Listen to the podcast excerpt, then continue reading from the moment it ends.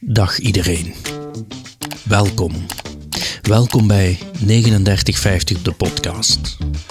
Een podcast waarin de gemeente Bocholt op zoek gaat naar enorm lieve en bijzondere mensen van diverse pluimage. Waarbij we in een eerste editie, vijf afleveringen, u laten kennismaken met mensen die elk door hun doen en laten invulling geven aan het dagdagelijkse leven in onze gemeente.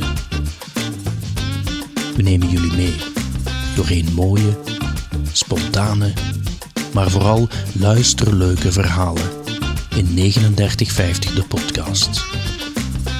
Mijn naam is Bart. Geniet van deze podcast. Bij ons aan tafel een duizendpoot, een bezige bij, een man die nog nooit laakbaar gedrag vertoonde. Wel een tegendeel. Hij mag gerust dus op een voetstuk geplaatst. Vandaar onze uitnodiging naar deze studio.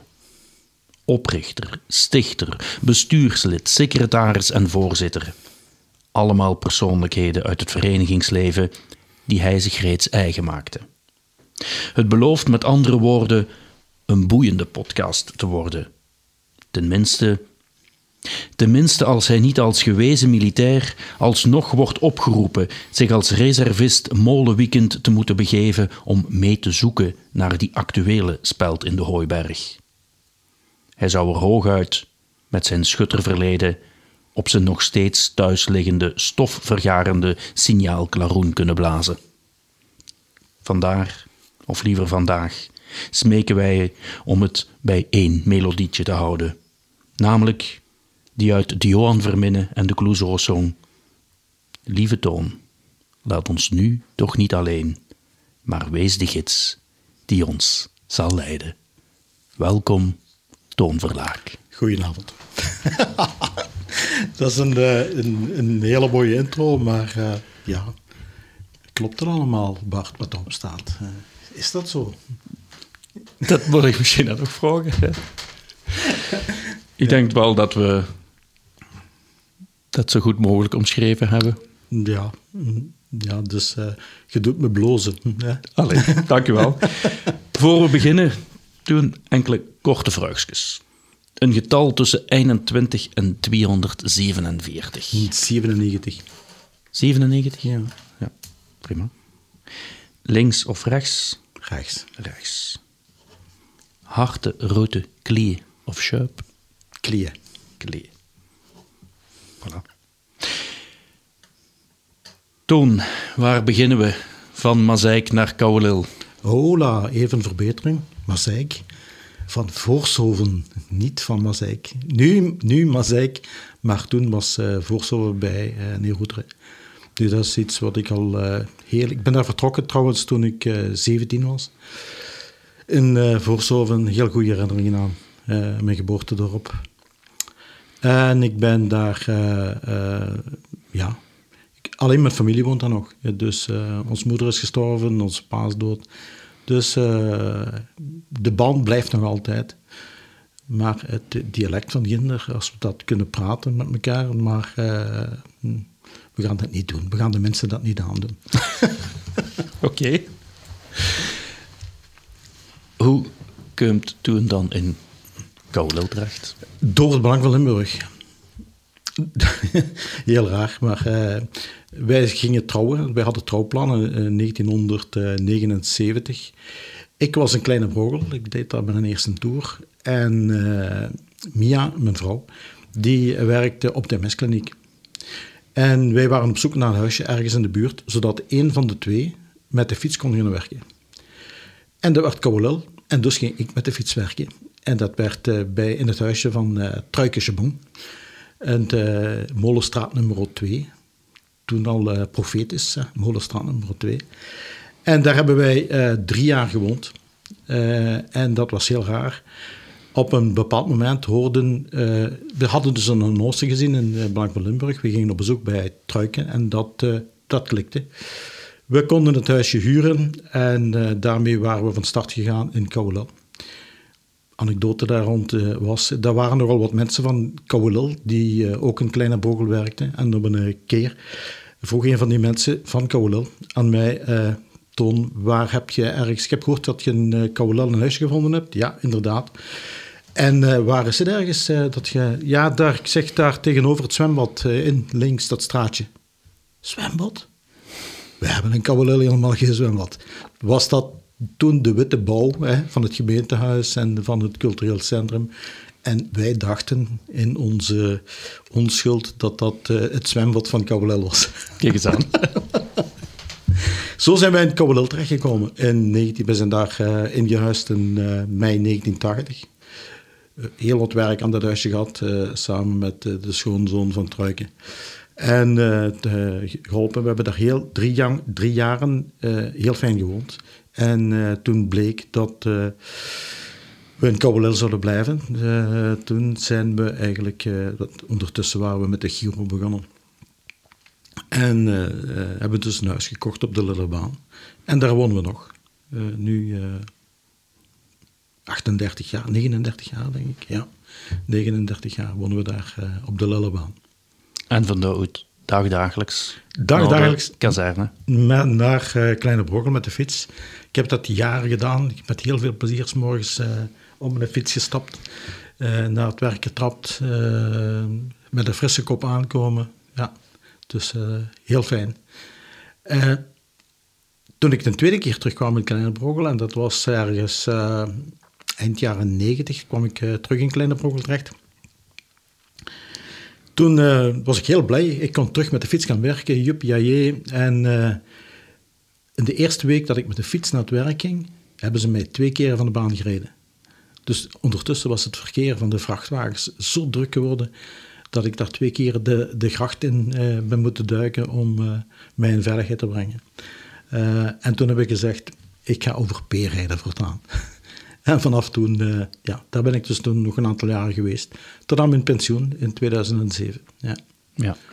Je zegt twee keer Kleine Bogel. Ja. Uh, ja. Is er dan een, een, een, een, ja. tussentijd geweest? Een tussentijd. Uh, ik, heb, ik ben van 91 tot 97, 98, ja, 98 denk ik, ben ik in de, de Technische School van de Luchtmacht geweest in uh.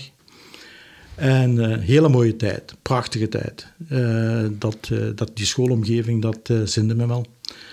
Maar ja, op een, op een dag raak ik daarop uitgekeken en dan moet er iets anders gebeuren. En dan ben ik, heb ik gevraagd om terug naar Kleine Brogel te mogen gaan. En dat is mij voor die laatste jaren voor mijn pensioen toegestaan. Dus ik heb daar nog wat mooie jaren in Kleine Brogel doorgebracht. Mogen we peilen naar de precieze taakinvulling van Bah, daar gaan we niet over hebben. Nee. Dus, nee, daar gaan we niet over hebben. Het nee. had te maken met communicatie en, uh, en zo verder. Okay. Maar dus uh, de, de, uh, de, tijd in de school, dat was, dat was een prachttijd. Ja. Dus, dus dat was een hele mooie tijd. Kijk eens aan. Het is daar straks heel even aangehaald, hè? dus de opstart van de Giro. Ja.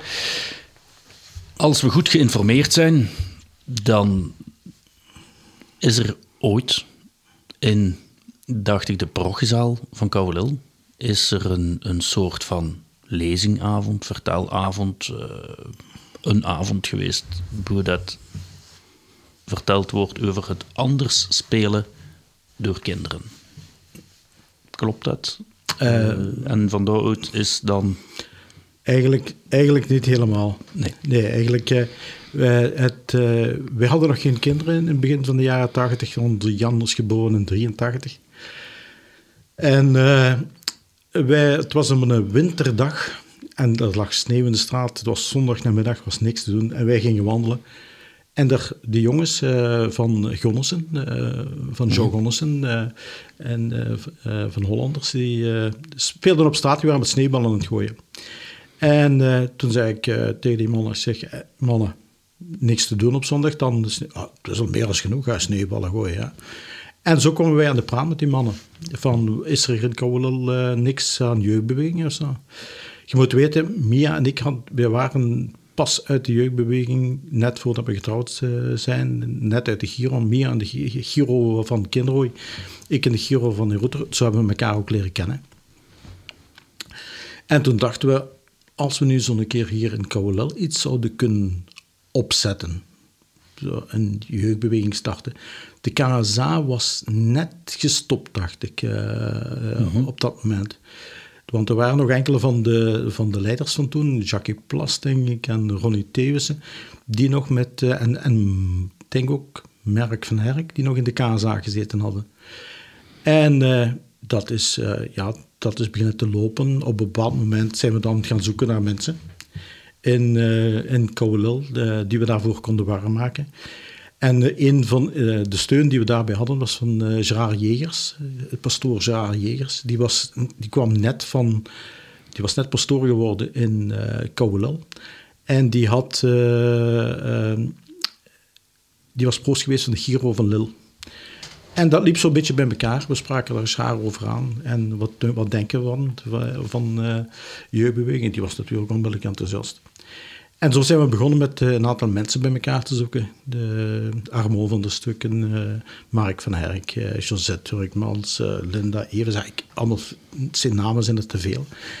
Maar dat liep eigenlijk in een trein. Dat hadden wij nooit verwacht, dat dat zo ging lopen.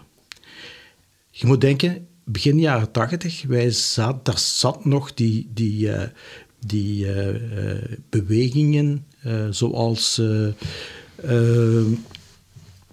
KWB, eh, vrouwenorganisaties, KAV en zo. Dat had nog altijd een, een, hele impact op het verenigingsleven van het dorp. En we hebben bij, zijn bij ieder van die verenigingen ons gaan voorstellen: wat willen wij? Hoe willen we dat doen? En wanneer willen we dat doen? En met wie willen we dat doen? En dat viel eigenlijk in goede aarde. Vooral natuurlijk, en dat was in het begin van de jaren tachtig nog altijd uh, heel belangrijk, dat we de steun hadden van, van de pastoor van het dorp. En dat is uh, zo beginnen draaien. Ik herinner mij dat we bij KWB geweest zijn, uh, bij KAV denk ik ook, uh, bij een aantal van die organisaties uit de middengroep. En dat begon te lopen. En van de een kwam de ander. Hè? Dus Armo van der Stukken, dat was een, een, een, een, genie als het gaat over toneelspel, over spel in het algemeen die kon kinderen enthousiast maken, schminken en zo verder.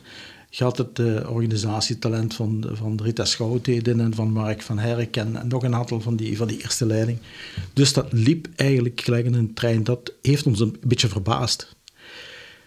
Eerste zondag, eerste keer dat we samenkwamen met de Giro, dat uh, ging altijd rond een thema. Daar werd heel veel tijd in gestoken mensen die, ja, die de leiding van toen, die waren net te gek, dat, uh, wat die daar aan tijden staken, aan voorbereidingen, aan kledijen, aan schilderen en zo verder en zo verder. En die speelplaats liep vol. Het was eigenlijk een beetje een overdondering van, van uh, zoveel volk dat we Het was op, op, school? Het was op de oude jongensschool, op waar nu de gebouwen staan van de oude jongensschool. En een paar jaar daarvoor, ik denk dat wij in het begin dat we, ik denk dat een 80 of in 81 zijn de jongens uh, verhuisd van de oude jongensschool naar het gebouw waar ze nu zitten, hè, wat nu gemengd mhm. onderwijs is. En uh, dat, uh, die lokalen stonden leeg en die konden wij dus gebruiken. Mm Dat was het stikkoud, zwinters, dat, dat, dat, dat vroor het binnen. En al heel snel werd, werd die Giro, je moet die eerste groepsfoto's eens een keer bekijken, dat al, heel snel werd die groep zo groot dat die lokalen te klein waren. En toen was er ergens in, eh, in, in 82 of 83 eh, een carnavalstoet. En daar had de leiding een, uh, een wagen gemaakt. Uh, Theo Schout de Zaliger en, en, nog, nog wat mensen. Die, en daar hadden ze een tent boven op een, op een carnavalswagen, op op een platte wagen gezet, zo nodig was. Ja. Wij willen een heem. Nu, wat er toen gebeurd is, dat is eigenlijk wonderlijk. Dat is, ja, wij, daar waren, uh, we waren al een keer op kamp geweest in Lul, zo'n proefkampje, hè, het, eerste, het eerste jaar. En daar had zich een groepje gevormd van, uh, van uh, kookouders. Heel enthousiaste mensen. En die, dat groepje van, van kookouders die zetten zich achter dat project van een heem te gaan bouwen. En op een dag kwamen wij voorbij het, de plaats waar nu het, het, het Giro-lokaal staat. Hè. En zei, dit bosje, dat zou toch iets zijn om hier een Giro-lokaal te kunnen bouwen.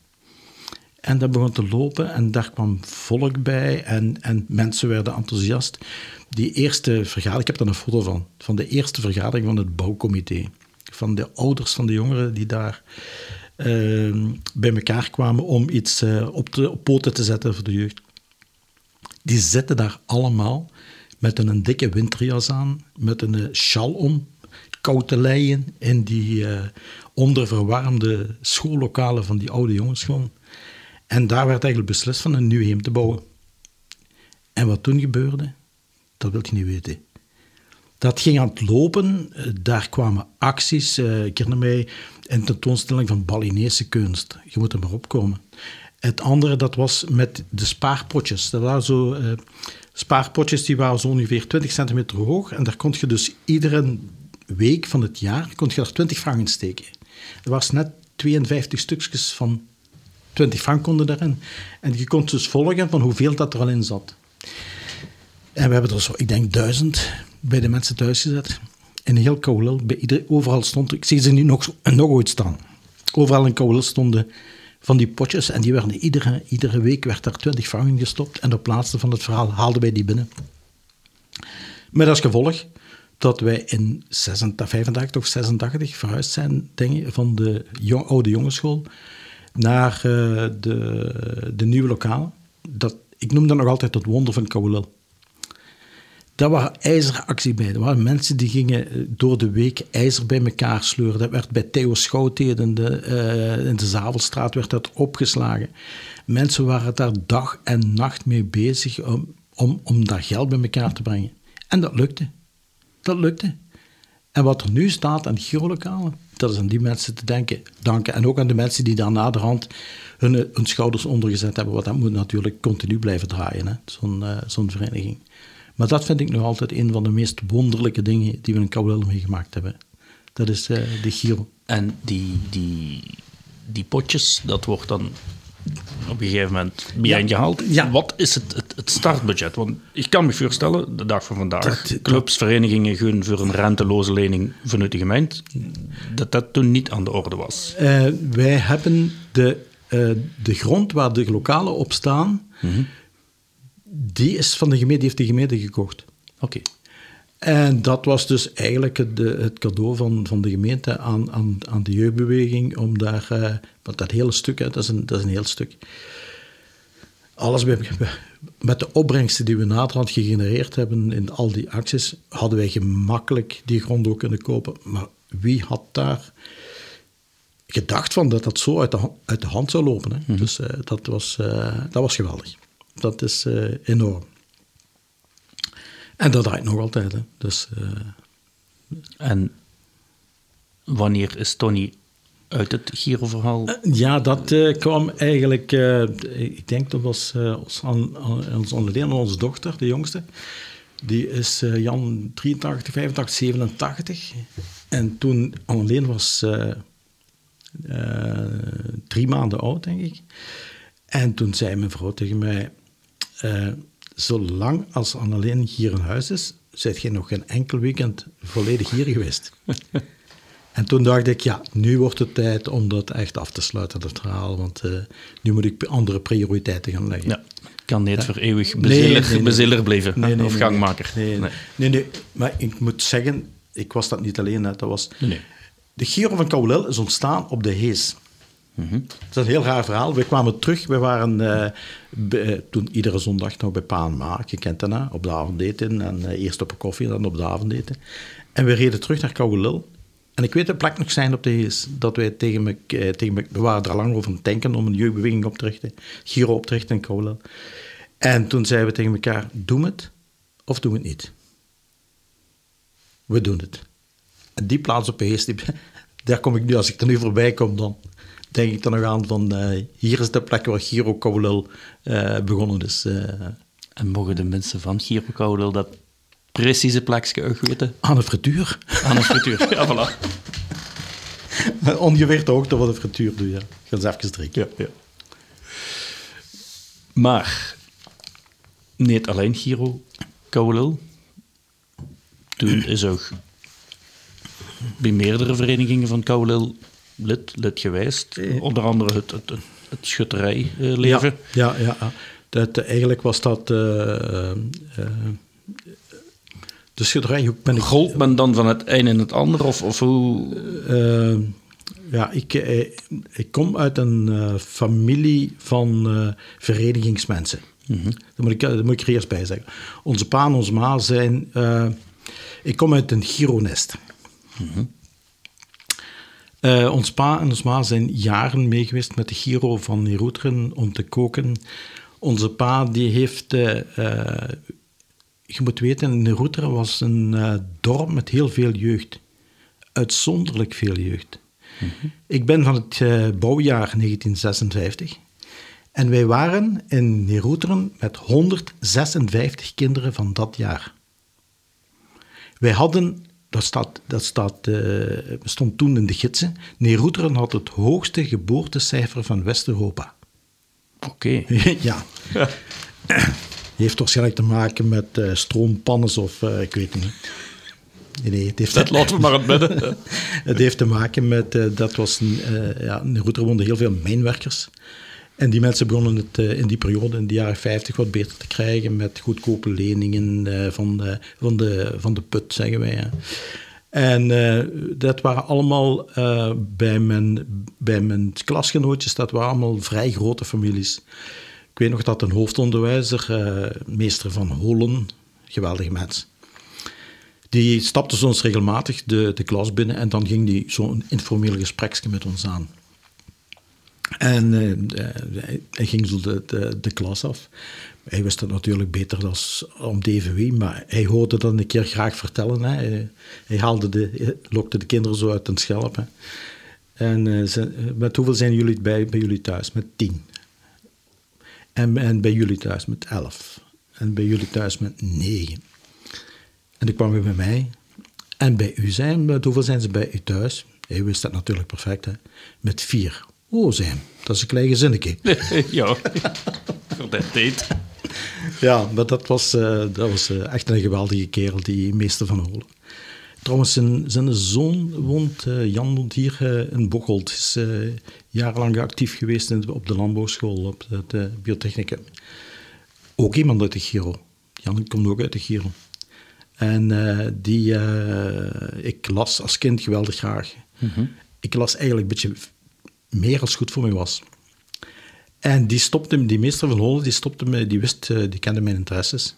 En die stopte mij af en toe boeken toe, die eigenlijk niet voor jongens van die leeftijd bestemd waren. Maar zei, dit moet je eens lezen, jong. Dat moet je eens lezen, dat is, dat is een goed boek.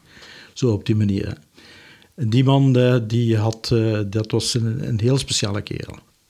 En is ook nog heel lang bezig geweest met de Giro en die hè, meester Van Holen.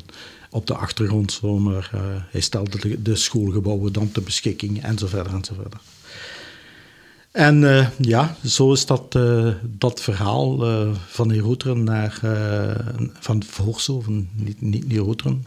Als ze nog zouden ze zeggen, hey, jong, niet van de Routeren, hè, van Voorshoven. En eh, eh, ik heb, daar heb ik... we hebben eh, zes jaar eh, bij mijn grootouders hadden een bakkerij in Voorshoven. En daar, heb ik, eh, daar hebben we zes jaar geleefd. Totdat we verhuisd zijn voor een aantal jaren naar een huis in Neeroeteren. En ondertussen heeft onze pa het, het, het ouderlijk huis gebouwd. Hè. Mensen deden dat zelf. Hè. Zelf blokken maken, zelf kelder uitgraven. Allemaal van die dingen. En die, heeft, die hebben dat... daar, daar heb ik zo'n beetje de liefde voor, de, voor het bakken eh, meegekregen.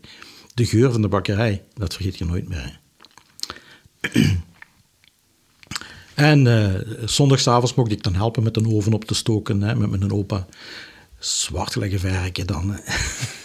dat was met kolen, het gebeurde met Ja. kolen. Eh, mijn opa werkte op de mijn in, in IJsden. En die kregen dus eh, per jaar uh, een bepaalde hoeveelheid kolen uh, gratis. Plus dan de rest dan hele goedkope tarieven. Maar die blokken, dat waren grote briketten. Die moesten dan stuk geslagen worden. En daar was een oven mee opgestookt. En het gezelligste moment van de week was als ik met oma op die overrand zat. Hè, mm Nadat opa de oven had opgestookt. En dan gewoon zitten met de rug tegen die warme oven. Geweldig. Ja. ja. Dus dat zijn zo van die, van die jeugdherinneringen. En uh, als ik aan het bakken ben, dan komt dat allemaal terug. Hè. Dus dan, dan die geuren en, en uh, het afwassen het, uh, van die zaken. Daarom, daarom waarschijnlijk ook ons nieuw project. Hè. En we hebben een nieuw project opgezet in uh, gegroeid vanuit de molenvrienden. We hebben, wanneer, in 2008 zeker, hè, toen, uh, samen met Ludo Achten, uh, zijn we, ben ik de cursus Molenaar gaan volgen in, uh, in Hasselt, in Bokrijk. Mag niet zeggen Hasselt, Bokrijk. En toen hebben we de Sevensmolen terug aan de gang gezet. Hè. Dat is de molen in Koulel? Dat is de molen in Koulel, de Sevensmolen. Waren er meerdere molens in Koulel? ja, er is een molen geweest Jos van Gerven heeft daar nog een artikel over geschreven. Er is nog een, een molen geweest op de Warmbeek, maar die heeft maar uh, enkele decennia gedraaid. En in, 19, in 1840 was die al weg. En die heeft dus eigenlijk maar gedraaid van 1815, 1820 tot 1840. Maar op de Warmbeek was er nooit genoeg uh, water, of mhm. niet het hele jaar door water. En die molen is dus uh, terug afgebroken. Uh, en die, dus delen daarvan zouden gebruikt zijn in het Meulke en, Achel. Maar daar zijn we niet helemaal zeker van. Maar uh, Jos uh, van de Gerven van de Heemkundige Kring van Kouwelel, die heeft dat helemaal uit de doeken gedaan. En die heeft er opzoekingswerk over gedaan. Dus er waren er in twee. Maar de uh, windmolen is pas van 1891 tot 1892. En, en ja, daar heeft de eerste familie Hamer op gezeten hè, tot rond 1900. En toen zijn die mensen van Armoy vertrokken, terug naar Nederland. En toen heeft de familie Sevens de, de molen overgepakt en die hebben daarop gedraaid tot in de jaren 60 zoiets. En mhm. eh, dan is de molen een verval geraakt. De gemeente heeft die gekocht. En waarom dan die interesse om, om, om een cursus te volgen? Of, of, ja, dat is nog zo'n verhaal. Ik ben opgegroeid uh, omdat thuis een bakkerij was hè, bij mijn mhm. grootouders. Uh, en vooral een, uh, was ik veel bij mijn grootouders in Molenbeersel. Dat wil zeggen, ze hadden liever dat ik daar was, als dat, ik thuis de boel voorop zette. En, of dan moesten ze mij de hele tijd in de gaten houden. Dus dan zeiden ze, naar Bomma in Molenbeersel. En ik ben dus de grootste deel, groot deel van mijn, van mijn kindertijd ook bij Bomma in Molenbeersel geweest. Mijn uh, Bompa is gestorven in 1961. En uh, ja, die vrouw zat alleen en daar zat nog een aantal onkels bij. En ik, ik vond dat ik regelmatig daar moest zijn. En dan uh, reed ik met mijn fietsje van de Roeteren naar, zes jaar oud, hè, met mijn fietsje van de Roeteren naar Molenbeersel, uh, naar Bomma. En in Molenbeersel, daar was Theo Keijers, op de Keijersmolen. En Theo Keijers was, de, was de schoonbroer van mijn onkel. En ik kwam nog een keer bij mijn onkel en dan slopen wij met de rest van de, de jeugd die daar rondliep, slopen wij de molen in, als, als Theo die daar was. En dan uh, ja, uh, probeerden wij daar van alles uit. Want als de molen draaide, mochten we er niet in. Hè. Dan, uh, en daar denk ik dat ik de, de microben van het, van het molenaarsgebeuren te pakken gekregen heb. Als die wieken zo voorbij komen gesoest. Hè. En die verhalen van, de, van die molenaars. Ik denk dat ik daar, dat daarop geraapt heb. Dus uh, pakken langs de ene kant en dan uh, molen langs de andere kant. Het komt niet zomaar. Hè. Het, nee, het, nee, zit, nee, het zit altijd ergens verborgen. Het zit altijd ergens verstopt in degene. En ik heb daar heel, hele goede herinneringen aan. van, en met mijn kameraad van, van met mijn speelkameraadje van toen, die zit nu ook in het molennetwerk Kempenbroek waar we mee bezig zijn. Dus ja. Maar het geven of het krijgen van cursus van les? Van, gebeurt dan door molenaars die, Ja, met alle respect, een bepaalde ouderdom hebben? Of, of hoe? Ja, het, eh, het, eh, het, eh, er begint nu een cursus in, in oktober. Dat zit... met de opleiding van nog? ja, wij zijn- 2008? Ja, 2008. Wij dat was een oproep die binnenkwam, ik denk via het gemeentelijk informatieblad of zo. En ik zei thuis van, daar wil ik ook wel een keer eh, wat mee gaan doen. Eh, eh, techniek, en vooral oude technieken, dat heeft mij altijd geïnteresseerd. Hè. En eigenlijk in het begin was het niet de bedoeling om daar met een molen gaan te draaien of zo. Maar dat zit zo in elkaar. Je krijgt dus tien zaterdagen les. Eh, dat zijn theoretische lessen over de geschiedenis, over techniek. Over, eh, en 's namiddags wordt het aangevuld met een stukje eh, molens gaan bekijken, uitleg horen van de molenaars ter plaatse en zo. En dan moet je 100 uren meedraaien op een molen. En wij hadden het geluk, tijdens mijn, mijn tijd in Kleine Brogel, tijdens mijn tweede periode, eh, als er oefeningen waren, dan zaten wij in een soort commandocel, of hoe noem je dat? En als het wat rustiger was, dan zaten daar ook eh, eh, andere mensen van, van eh, beheer, eh, maintenance en zo verder. Die zaten bij elkaar. En eh, daar zaten Harry Wijnands, was op dat moment molenaar in, Haal, in Hamond, op een Napoleonsmolen. En eh Ludo Hurkmans van de, molen, van de Lilse molen, die zat er ook bij. En die waren dan eh, altijd onder elkaar bezig over die molens. En Toon, dat is nog voor iets voor u als je een keer op pensioen bent en zo verder. Die mannen maakten me een kop gek, staken mij boeken in mijn handen en zo verder en zo verder. Ja, van het een komt het ander.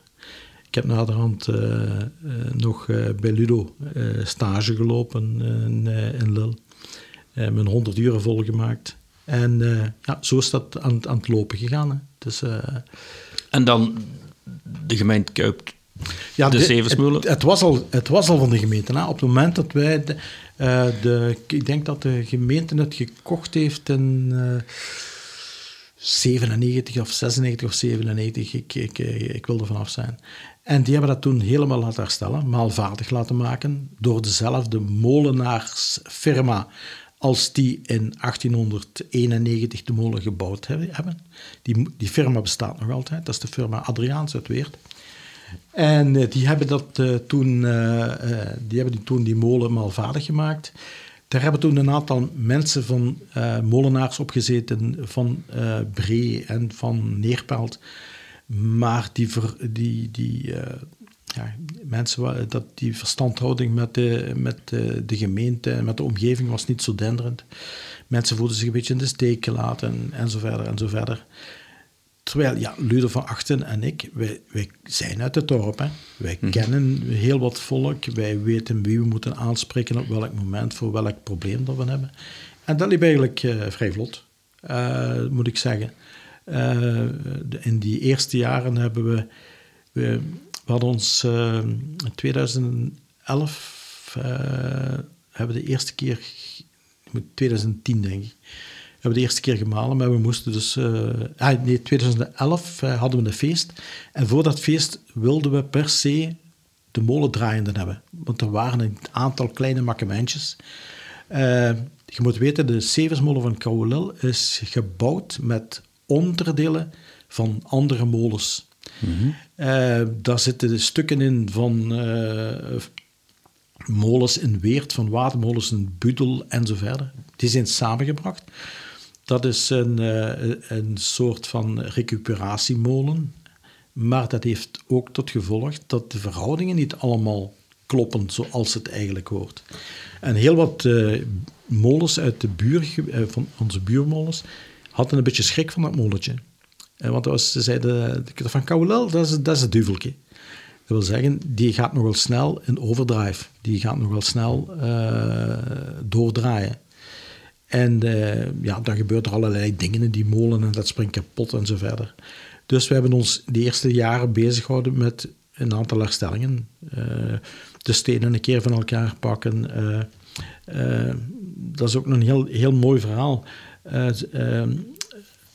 Rick van Grompel, toen in der tijd schrijnwerker op de van de technische dienst. Eh, en we hadden een probleem op het moment dat wij hem lieten draaien in een bepaalde positie, de molen, dan kraakte dat ding, dan vlogen ons stukken rond de oren. En Rick die heeft daar een oplossing voor gevonden. Die man kende dus niks van molens, maar dat was een geweldige vakman. En die heeft daar een systeem ontwikkeld. Daar zijn nog molenaars komen kijken van wat hebben ze hier gedaan. Maar toen wij in eh, september 2011 dat feest hadden, draaide die molen wel. En dat was ja, door... eh er was een oude molenaar van, eh van Lil, eh Jeff Brouwers, die samen met de Hurkmans dan regelmatig komt kijken. En die ons dan ook hielp met, met van die werkjes. Maar in 2011 draaide niet. En we hebben daar eigenlijk gekke toeren voor uitgehaald. We hebben eigenlijk dingen die de genade had zegt, allee jong, waar zit er ook mee bezig? We hebben de zeilen daarvan afgehaald, van de, van de weekend. Die zijn bij Jean Achten, de vader van Ludo Achten, eh Jean Zaliger. En eh, Lil zijn die in de oude stallen die helemaal opnieuw geverfd. Met een verf die we samen, zelf hadden samengesteld. We, Ludo en ik, we waren allebei zo high als twee konijnen. Van, van de geuren van, van dat mengsel verder. Maar oh, toen het zover was, ze draaiden. En dat was natuurlijk een beetje een overwinning zo voor ons. Hè. En eh, dan zijn er ook heel snel eh, andere molenaars eh, bijgekomen. Hè. Dus een Koude Ludebekkers en, en, en Joske Gielen. onze Geert Mulkers zit daartussen in die groep. Daar zit, nu hebben we een aantal jongeren hè, die meedraaien. Zijn Adamczek. Giel Kremers gaat nu de cursus volgen. En ja, dat blijft draaien zo. Dat, eh, je voelt dat. Eh, we hebben nu wel stilgelegen een aantal eh, maanden, jaren. Dat is niet goed, hè. Dat je stil- te lang stil zit. En nu gaan we dat terug een beetje laten opnieuw wat, wat schwung geven. Hè. Het schwung geven. Ja, Ja, ja. inderdaad.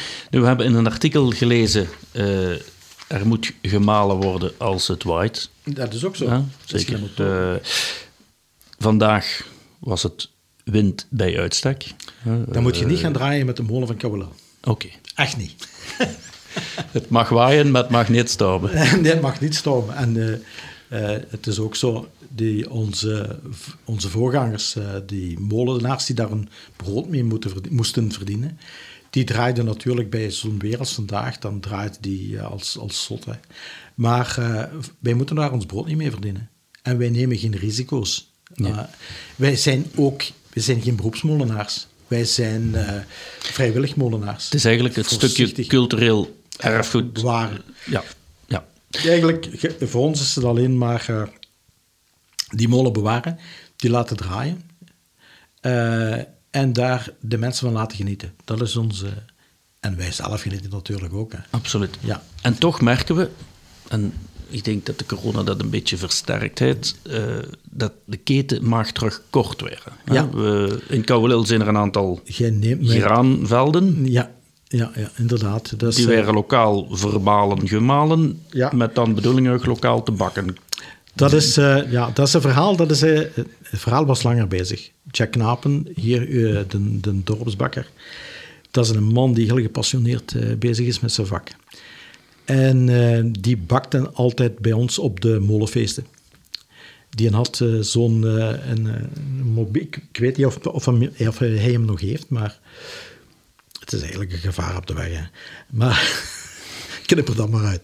De- maar... dat is, Jacques die is heel, heel passioneel bezig met, met graansoorten, met bakken.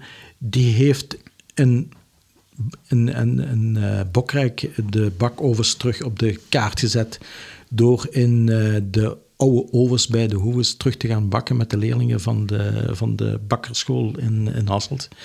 Die is daar heel gepassioneerd mee bezig. En die eh, zit nu ook in onze nieuwe groep, in onze nieuwe werkgroep. En die noemt Overbuur. En dat is een, dat is een korte ketenverhaal. Ehm, de beste ideeën sta- b- eh, ontstaan bij de seizoens aan een biertent. Na zo'n drukke dag. Als je zo'n beetje nageniet van het succes van die dag en je staat een pint te drinken, zouden we niet. Hè? Zo begint dat. En uh, daar ontstond het, uh, het idee van... Dat liep eigenlijk allemaal bij elkaar. Dat was Robert Tonissen, een ondernemer van, van Bocholt, die daar ook tussen stond. En die vond dat verhaal van die korte keten en van die, dat bakhuis dat we wilden bouwen, want we waren grootse plannen aan het maken, die vond dat geweldig. En dat klikte zo in één keer bij elkaar. Zo'n aantal van die mensen die dat, uh, dat korte keten gebeuren, uh, korte keten, de producten die je gebruikt, moeten komen van, laten we zeggen, vijf kilometer van rond uw bakoven. Mm Dat is het verhaal dat erachter zit. Je moet geen uh, mail laten komen uit Canada of uit Oekraïne of ook van God weet waar, maar teel dat hier bij de lokale mensen en laat daar lokale mensen hun brood mee verdienen. Haal uw melk bij de lokale mensen, haal uw vlees bij de lokale mensen. Dat is korte keten. En dat verhaal sprak ons wel aan. En daar ontstond voor corona, dat was nog voor corona, het idee van als we nu een keer zo'n echte Kempense bakoven zouden bouwen, hier bij de molen, dan kunnen we dat verhaal vertellen van graan tot brood. En kunnen we de mensen laten proeven en laten zien van hoe rijk dat onze bakcultuur is. Want we hebben een heel rijke bakcultuur. En uh, uh, met, met wat voor een uh, materialen, met wat voor granen, met wat voor moeite onze voorouders hun kostje moesten bij elkaar schapen door boekwijdmeel te telen op die arme Kemperse gronden en daarmee nog pannenkoek maakten en, en met roggen en, met tarwe was er heel weinig. Hè hoe zij daar van brood mee maakten, duizenden jaren lang, hè, duizenden jaren lang, tot honderd jaar geleden, kwam ons brood niet van bij knapen. Hè. Uh, kwam dat niet uit een Aldi, maar kwam dat uit de bakovens van moeder de vrouw, die ene keer per week, gewoonlijk op donderdag of vrijdag, de oven opstookte en brood bakte voor de ganse week. Hè. Uh, dus, uh, en dat hele verhaal, dat boeide ons wel. En ik, ik had een, daarvoor had ik al een cursus gevolgd bakovens bouwen bij het MOT in Grimbergen. En ik was daar ook, ik ben gids in Bokrijk en ik was er eigenlijk achter gekomen via Bokrijk. Van dat ze daar een cursus aanboden, bakovens bouwen. En dat, dat, dat verhaal dat begon door te klinken. En zo zijn we eigenlijk nu in volle coronatijd hebben we een vereniging opgericht, de Ovenbuur. En de overbuur, die naam is niet zomaar gekozen, dat komt ergens van. En uh, de overbuur uh, is een project dat we willen realiseren op de weide achter de molen, waar we een bakoven en een bakschuur willen realiseren. Heel moeilijk, want daar is nog heel veel werk aan. Maar de eerste stappen zijn gezet. En we hebben een vereniging opgericht in volle coronatijd via videolinks. Maar we kennen elkaar natuurlijk allemaal. Mm -hmm. En er zijn zo'n acht, negen mensen die zich daar achter gezet hebben en die nu bezig zijn in alle stilte om dat verhaal op poten te krijgen. Wij zijn ondertussen uh, VZW Ovenbuur, Bocholt, met opzet Bocholt genoemd, omdat wij mensen zijn van de ganse gemeente. Bocholt, niet alleen van Kouwelal. Mm -hmm. En wij willen ons uh, inzetten om uh, zoveel mogelijk mensen rond die warme bakoven samen te krijgen. En de, de naam Ovenbuur komt er eigenlijk van dat in het einde van de 19e eeuw werden in Kouwelil heel wat mensen ingevoerd, letterlijk ingevoerd, van het PRB-koopal in uh, Wetteren, die allemaal in één keer versast werden naar de Kempen, of verkast werden naar de Kempen, en daar op die magere heidegrond in Kouwelil in één keer zichzelf moest redden ze kregen wel een huisje van de fabriek en het fabriek bouwde daar ook een, een bakoven bij. En uh, uh, het zat zo in elkaar, per vijf van die fabriekshuisjes was er één bakoven. En één keer per week werd, uh, was een van de vrouwen die de oven, een beurtrol, die de oven opstookte. En dan het signaal gaf met de bel, of de, de kinderen, ze hadden kinderen genoeg, gaan, mm gaan zeggen bij Julien dat de oven warm is. En die liepen naar de buurt af. En dan kwamen die vrouwen met een brood dat ze geprepareerd hadden, met, de, met die deeg naar de oven gelopen, werd dat in de oven geschoven en werd er gezamenlijk gebakken. De mensen rond die oven waren dus eigenlijk ovenburen. Buren rond de oven. En rond dat plekje werden dus uh, de dagelijkse verhalen verteld. Daar werd het lief en leed gedeeld van wat er gebeurde in, in, in en rond dat fabriek.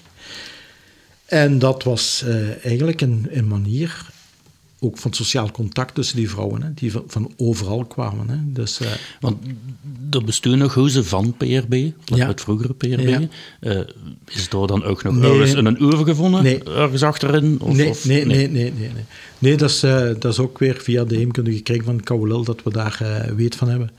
En de meeste van die, toen het ons beter begon te gaan, ik weet bijvoorbeeld bij ons, bij ons in Torp, waar ik vandaan kom, daar waren nog mensen die bakten met de traditionele bakoven in, toen ik een klein manneke was. Bij ons thuis werd er gebakken in de oven natuurlijk van de, van de bakkerij. Hè. Maar, en iets later kwamen die ovens van, van de, smeet, de smeet van Lil, van Van Herk, kwamen op de markt. En er waren die ronde ijzeren ovens waarin gebakken werd. Dat weet ik wel nog, dat er daar heel wat moeders waren van die grote gezinnen die bakten voor uh, de familie een aantal keren per week fly, broodjes, uh, brood enzovoort. Maar uh, het is eigenlijk verdwenen, laten we zeggen, eind de jaren 50, begin jaren 60 zijn die ovens stilgevallen. Want het was gemakkelijker om brood te gaan kopen bij, bij de bakker en dat vers gaan te kopen. Wat je moet je voorstellen, die mensen bakten brood één keer per week donderdag. De volgende woensdag werd daar nog van gegeten, hè, van dat brood. En dat dan sommige van die oudere mensen hun brood moesten stoppen in de koffie, dat was niet van niks. Hè. Dus uh, uh, het werd dus gemakkelijker en, en de vrouwen gingen ook, uh, waren meer buitenshuis actief en zo verder en zo verder. Dus die bakovens, dat verdween naar de achtergrond. En wij willen dat, dat wij, je moet je voorstellen, wij hebben dus duizenden jaren lang gebakken in die bakovens. Hè? Niet, in, niet in dezelfde bakoven, maar wij hebben dus duizenden jaren lang brood gebakken hier in de regio. En dan, nu is dat eigenlijk op, op 50 jaar tijd is dat, is dat verdwenen. En dat willen we, een heel koude lul is er nergens in een bakoven meer te vinden. Wel nog de gebouwtjes, maar de bakoven zelf is overal verdwenen. En dat willen we eigenlijk een beetje terug in ere herstellen om met het eh, hout van de hagen hier in de buurt hè, uh, die een oven op te stoken en dan brood te bakken met graan, rogge, tarwe, dat hier in de regio uh, geteeld is. Met de technieken zoals die gebruikt werden door onze voorouders. Het verhaal van bakkenmoezen bijvoorbeeld, van Jacques Knapen, dat is mhm. geweldig hè. Ik herinner me dat nog eens als, als klein gastje, dat men dat thuis deed, uh, bakkenmoezen, uh, klaarmaken voor, uh, voor gebruik of voor de winter. Die werden dan, als het brood gebakken was en de oven was nog warm, werden van die kleine peertjes doorgesneden. Dat werd op een raster gelegd, dat werd in de oven geschoven. na het bakken, die werden daar gedroogd, die werd eruit gehaald. De volgende keer werd dat weer terug in de oven. En die waren op laatste, ja, dat was bijna poeier. Hè? En als je die nodig had, dan deed je daar water bij. En dan kreeg je die, dan zagen die dingen eruit zoals ze genoemd worden. Hè? Gebakken moezen. Hè? en daar werd dan uh, vlaai van die bakken. En Jack Knapen zegt altijd, de vlaai is veel lekkerder als het eruit ziet. maar dat is ook zo. Dat ja. is ook zo. Maar dat is bijvoorbeeld een... Die mensen moesten ja, wij, noemen dat uh, nu uh, duurzaamheid hè, en, en, en zo verder. Maar die man, mensen hier op de, in de campen, die moesten dus eigenlijk uh, met, met die schaarse middelen die ze hadden zien te overleven. Hè. Dus, dat was noodgedwongen in plaats van ja, duurzaamheid. Ja, ja, ja, dat was noodgedwongen. Dat verhaal wordt prachtig verteld in Bokrijk. Hè. Ik ben gids in Bokrijk en dan, ik, ik neem de kinderen van van Kouwelel altijd op sleeptouw als ik, als ik kan in, in uh, Bokrijk om dat verhaal te vertellen. En ik, ik kopieer dat ook naar, ah, ik, draai, ik draai dat ook naar Kouwelel toe. Van ja, hoe leefden de mensen in uh, 200 jaar geleden? Dat is een heel verhaal. Hè. Ik ben daardoor geboeid. Ja. Ik, ik, kan daardoor, uh, ik kan er emotioneel van worden zelfs. Dus het brengt dus naadloos hè, bij inderdaad de volgende titel of opdracht, of hoe we dat willen uh, noemen. Gids in Bokrijk. Ja. In Bokrijk kunt men niet zomaar draagt. Hè? Het is niet van, Nee. pakken de telefoon en voilà, ik ben Toon Nee, Verlaak en ik eh, Nee, heb iets te vertellen over... Nee, dat is, eh, eh, dat, dat is een, een geweldig kenniscentrum, hè, Bokrijk. En eh, eh, ik ben eigenlijk in Bokrijk eh, terechtgekomen. Ik, was, ik, eh, ik ben eh, militair geweest. Eh, ik was eh, op het einde van mijn loopbaan, eh, p- prachtige loopbaan trouwens. En eh, ik kreeg van, eh, van Defensie de kans om de laatste drie jaar voor mijn pensioen, dus vanaf mijn 48ste tot mijn 51ste, om iets gaan te doen, eh, zodat ik me niet ging vervelen of dat ik niet in een zwart gat zou vallen als ik eh, eh, op mijn pensioen ging. Dat kon van alles zijn. Die betaalden dat, die kosten van die vormingen betaalden ze terug. En eh, eh, er waren mensen die dan bijvoorbeeld eh, Spaans gingen studeren, of er waren mensen die. eh, ehm, computer was toen heel erg in, hè, die computerlessen gingen volgen en zo verder en zo verder. En ik dacht, ja, gidsen. Ik had, ik had een tijdje voor de klas gestaan. Dat is wel iets voor mij. Ik kan het goed uitleggen. Ik kan, ik kan verhalen vertellen. En toen dacht ik van, ja, gekoppeld aan, aan, aan erfgoed, aan interesse voor het verleden en zo verder. Ja, misschien is dat, eh, is dat wel iets voor mij. En ik ben eh, cursus gaan volgen. eh eerste, eerste jaar op het Sintra in Genk. En dat was cursus algemeen gids. En dan moest je in het tweede jaar, dat was, ging men er dan vanuit dat je kunt kiezen tussen gids en reisleider. En ik dacht zo, 14 dagen op stap met een bus vol mensen naar Oostenrijk en naar Duitsland en, en zo verder, om die de hele dag bezig te houden. Ik heb er geen goesting in. Ik word gids. S'avonds, als ik thuis ben, zijn die mensen ook allemaal thuis die ik gegidst heb die een dag. Dus dat leek me wel iets. En zo kwam ik dus eigenlijk het tweede jaar, rolde ik in, en dat was eh, Limburg-gids. Dat was natuurlijk een aardje naar mijn vaartje, hè, Limburg-gids. En daar heb ik, eh, eh, daar heb ik eigenlijk dingen geleerd in die, eh, in die cursussen. en dat waren lessen die werden niet zomaar gegeven door de eerste de beste hoor. Dat waren degelijke vakmensen die dat onder de knie hadden. En dat Limburg-gidsen, dat, dat lag me wel iets. En toen was dat op het einde van dat verhaal... eh, zei ze, ja, kijk, dat zijn de mogelijkheden in Limburg. En daar zit de Bokrijk tussen. Pats, ja, daar hebben we het, hè. En dan heb ik nog een tijdje een vorming gevolgd in Bokrijk, een aanvullende vorming. Een examen afgelegd. Eh, en dan, eh, vanaf toen ben ik gaan gidsen in, in Bokrijk. En wat draagt Toon dan als gids? Gewoon mijn de kleren die ik nu. Nee, Nee, nee, nee, nee. nee, Nee, nee, nee, nee, nee, nee, Dat, eh, daar gaan we ons niet mee bezighouden. Nee, nee, nee, nee. Dan heb je onmiddellijk al zo'n eh, aura rond u van een maalplak met rode bulkjes, eh, of met, met witte bulkjes, Ja. maalplak met bulkjes. Nee, dat, dat is het verhaal niet. Ah, Ik denk ook als je door een groep ernstig genomen wilt worden, moet je... Er zijn mensen die dat heel goed, heel goed doen, hè? Eh, die dat geweldig doen. En dat toneelspelen. Uh, iemand van Kouwel, ja, ook bekend in Bochelen, Chris Renkes. Klopt, ja. Prachtig, prachtig. ja. Een anekdote tussendoor. Ik stond met een groep, uh, ik, had, ik was met een groep in uh, Bokrijk en het was een kerkje van uh, Aspengouw.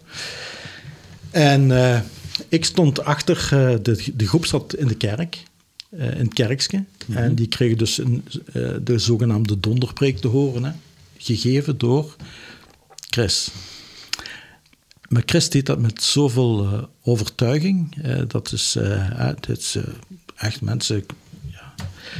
Ja, de, de hoor rechtop. De, de hoor rechtop. Ja. en ik stond in de deur. En hij was zo een heel uitleg aan het doen. Humoristisch, want er waren een aantal mensen van Bochel bij. En hij verwees wel naar bepaalde lokale situaties en zo verder. En naast mij stond een ouder koppelken uit de Vlaanders.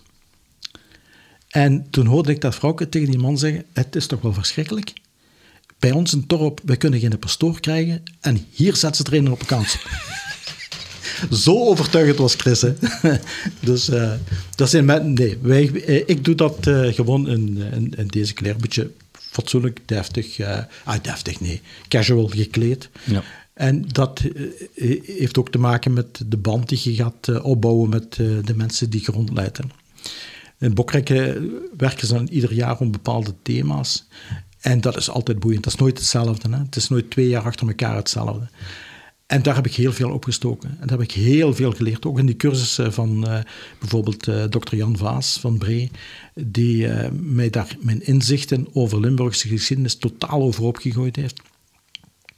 En ik, ik, hou er dan, ik hou er dan ook van, van om dat over te brengen aan de mensen kreeg zo'n keer een groep van een bepaalde politieke strekking die op die, op dat, die dag een partijcongres in Bokrijk hadden. En er werd gevraagd aan de gidsen van wie wil die mensen namiddag een keer een rondleiding geven.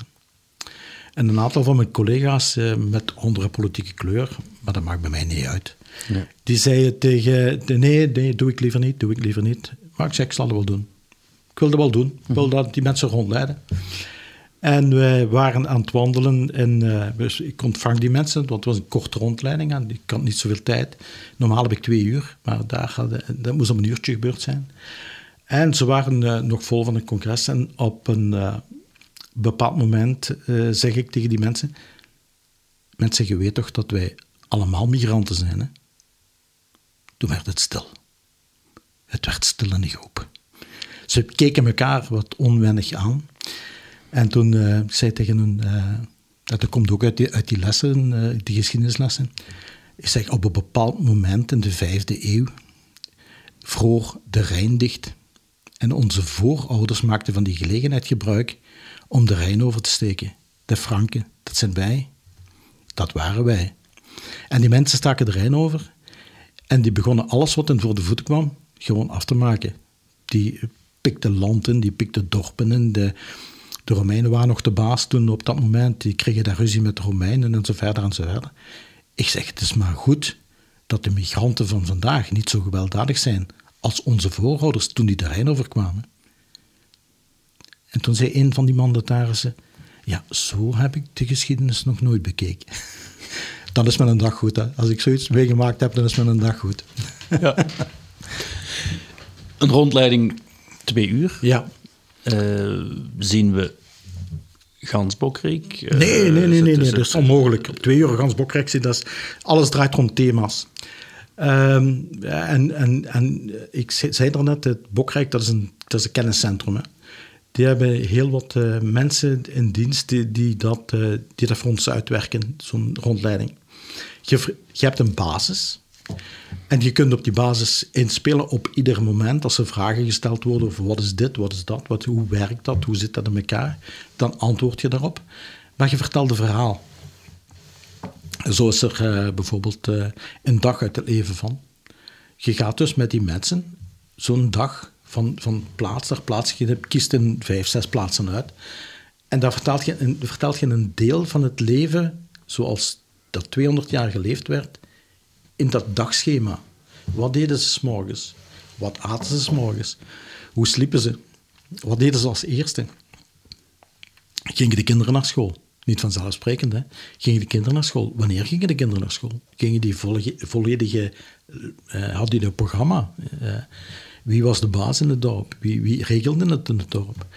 En dan krijg je zo verhalen van... van, ja, van dat maakt soms mensen toch wel stil, hoor. Van, uh, als je de, bijvoorbeeld het verhaal van kindersterfte van, bij onze voorouders, dat, hoe dat in elkaar zat, uh, dat, dat grijpt mensen toch wel aan hoor. Als je weet dat je van de vijf kinderen die geboren werden, daar stierven de eerste vijf jaar, uh, stierven er daar, het eerste jaar stierven er twee van, en van de volgende vijf jaar stierf er nog één van.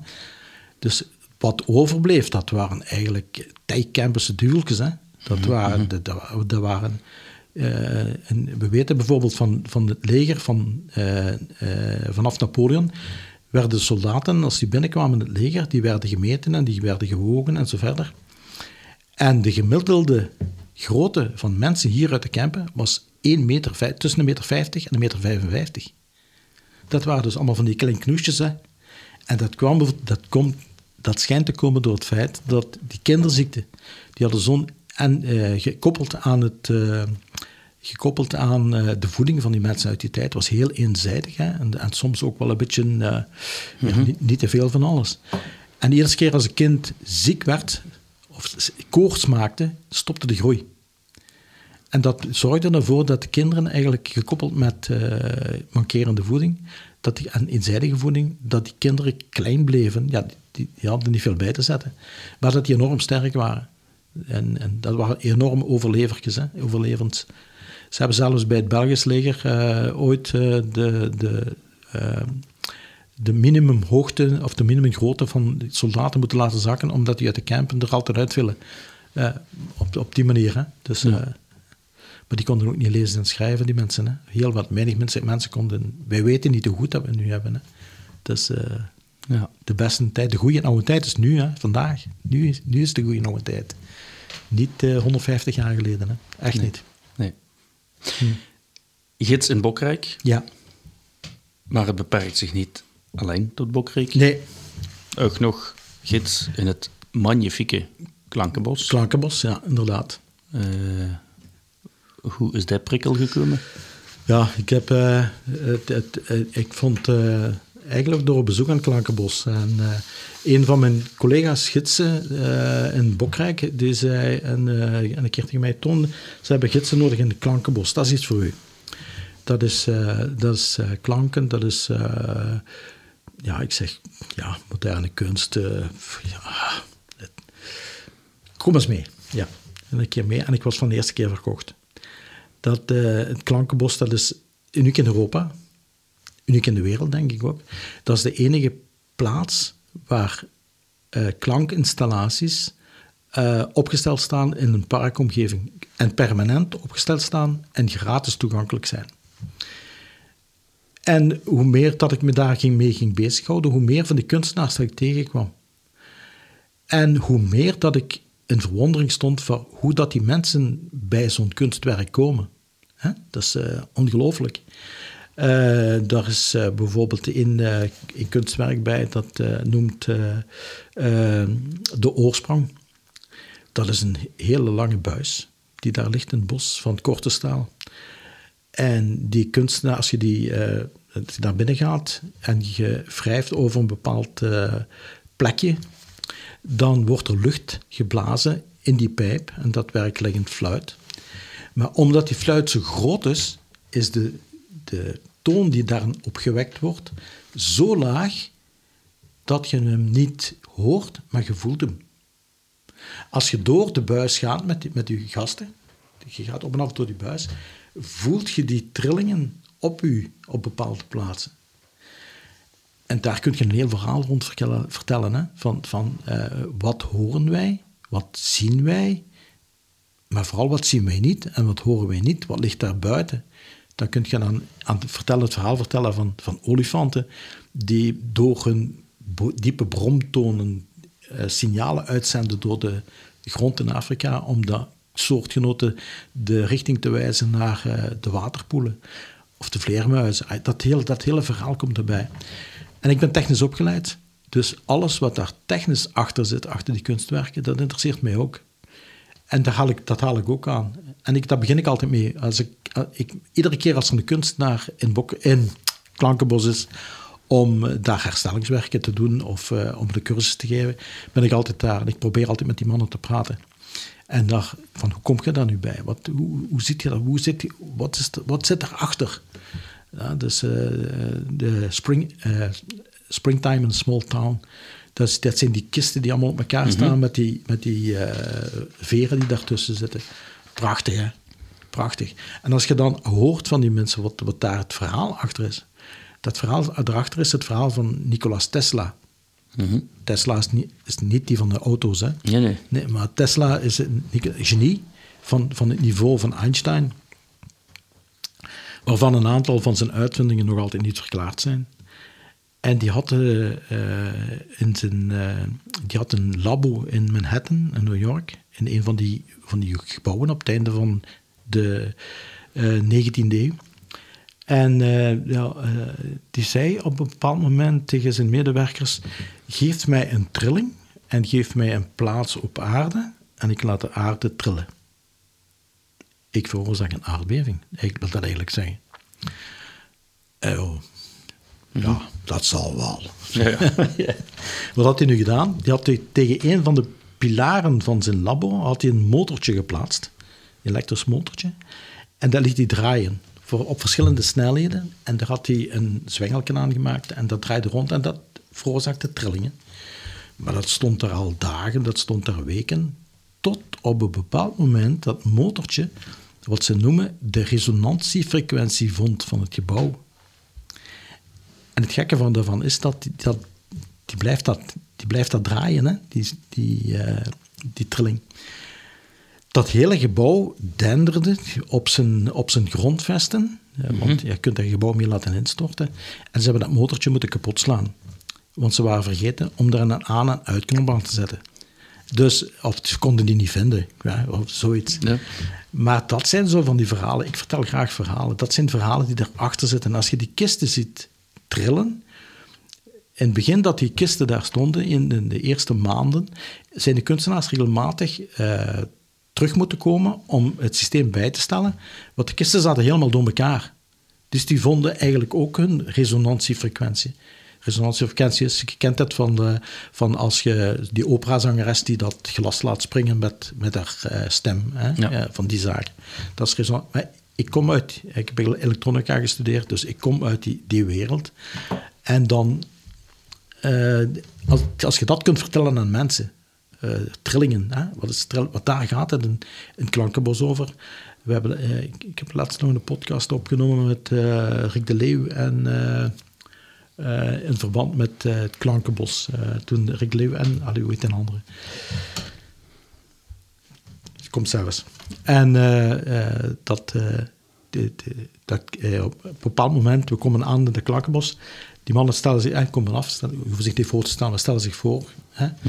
En hoe is uw naam, eh, meneer de gids, eh, zegt Rick de Leeuw tegen mij. Eh, ik zeg Toon. En die bekijkt mij en die kijkt naar die, naar die geluidsploeg. Die mannen zetten, jij zit met mijn voeten aan het spelen. Hè? Dat kan niet zijn. Ik kom hier in het Klankenbos en de eerste die ik tegen- tegenkom heet Toon. ja, ja. Maar ah, dat interesseert mij. Dat, eh, Ja. dat, eh, En als je in het geheel van hè, het klankenbos, dus de chaise resonante, uh, Tony Compost Nature, DiCaprio. Ja, ja. Compost Nature, dat is nog zo'n prachtig stuk. welke, eh, over de top drie. Allee. Mijn top drie.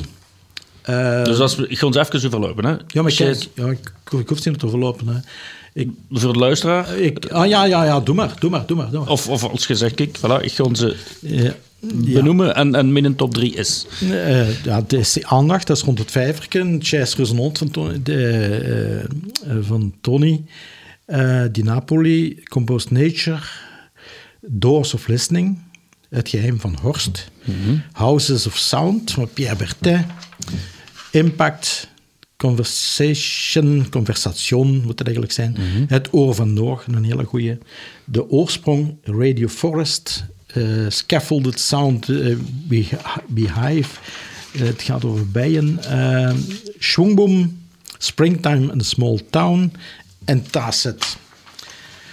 Ja, dus mijn eerste, dus ik vind, ja, ik, ik, kan zo geen top 3 maken. Dat is, ik vind Houses of Sound van Pierre Bertin vind ik geweldig. Ik ben Pierre een paar keer tegengekomen, geweldige kerel. Eh, de oorsprong vind ik eh, geweldig. En eh, het oor van Noah vind ik geweldig. Maar Springtime en The Small Town vind ik, Tacit vind ik ook geweldig. Dus eh, eigenlijk, om zomaar dingen aan te duiden die mij geweldig boeien. Ze boeien mij eigenlijk allemaal. Behalve bij sommigen heb ik wat, wat bedenkingen. Maar eh, Composed Nature is bijvoorbeeld prachtig. Eh, Doors of Listening is heel aangrijpend. Dan hoort je dus in de deur en hoort je vluchtelingen van het, het, van het Valkenhof vertellen over hun vlucht en over hun leven en, en zo verder. Heel aangrijpend. het geheim van Horst. Dat is iets plezants als je daar op, het, op het terras zit van de Oud-Domlof. Ja. Ehm, ik vind Conversation eh, eh, vind, ik ook, eh, vind ik ook geweldig van Stagje. ja, de, vooral de verhalen die erachter. Eigenlijk is het moeilijk om te kiezen wat, wat, mijn, wat, mijn, wat mijn voorkeur wegdraagt. Maar uh, ik vind wel geweldig. En ik doe dat ook met heel veel passie. Hè. Wat gebeurt er op de dag dat Toen Verlaak nimmer naar Bokrik kan? Dat Toen Verlaak nimmer naar Neerpelt of naar Pelt kan, uh, naar het Klankenbos en er nooit gedwongen dicht bij huis gegidst moet worden, zien we Toen Verlaak dan als gids voor de Monolfus Gondolfuskerk zien we toen verlaag dan uh, nee, deel uitmaken van de heemkundige kring. Uh, ik, ik, ik, heb een, uh, heel veel respect voor de mensen van de... Maar er zijn kort bij huis nu, vooral met de corona. Dus Bokrijk heeft ja, bijna twee jaar dichtgelegen. dat begint nu terug te draaien. Klankenbos heeft, is toegeweest. Wij zijn heel druk bezig geweest in, die, in die, dat anderhalf jaar met een ander project. En dat is uh, uh, VZW Molennetwerk Kempenbroek. Mm En dat, hebben we, dat is eigenlijk ook weer ontstaan tussen pot en pint in de voorste luis, waar in de tijd Mia Kronen en de wethouder van Weert met elkaar in gesprek gingen over de molens in het Kempenbroek. En dat daar dat ze vonden dat er met die molens iets moest gebeuren, toeristisch, cultuurhistorisch en zo verder. En die, toen, die hebben toen een aantal molenaars van de molens in de buurt bij elkaar gebracht. En daar is VZ2 Molennetwerk Kempenbroek op, op uitgegooid. Wij hadden ons, dat klikte eigenlijk vanaf het eerste moment vrij goed. Dat is mensen van de Anna Molen in Keent Keent is hier net over de grens, achter uh, eh, Altweerterij. Uh, dat is uh, Vincent van den Berg en, en Louis Moore. En dat was bij van, de, van de Keijersmolen in Molenbeersel René Werens. Van Kouwelel, Joske Gielen, Ander Rombout en, en. En uh, wij hadden ons tot doel gesteld in eerste instantie, want het is eigenlijk een verhaal dat buiten zijn proporties gegroeid is. Wij hadden uh, ont, ten goede, hè? buiten zijn propos, ten goede. Uh, we hadden ons tot doel gesteld om de molens in het Kempenbroek, er zijn er 47, uh, eh, het Kempenbroek, dat is de regio hier in de buurt, grensoverschrijdend. En we hadden ons tot doel gesteld om die molens op de kaart te zetten. Op de fietskaart te zetten. Hoe hadden we er gedacht? wel, als we nu ons, ons wagonnetje van die molennetwerken een keer aanhaken aan iets dat al bestaat, aan, aan een trein die al aan het lopen is. En dat is het fietsroutenetwerk. En dat is uh, regionaal landschap uh, Kempen-Maasland. Als we ons daar aan vasthechten en we maken een fietskaart, een fietsfoldertje, waarop dat al die molens staan en we gaan die molens verbinden met vier fietstochten. Mm -hmm. En de mensen kunnen, ik schrijf daar een kort verhaaltje bij en zo verder en zo mhm, verder. Mm -hmm.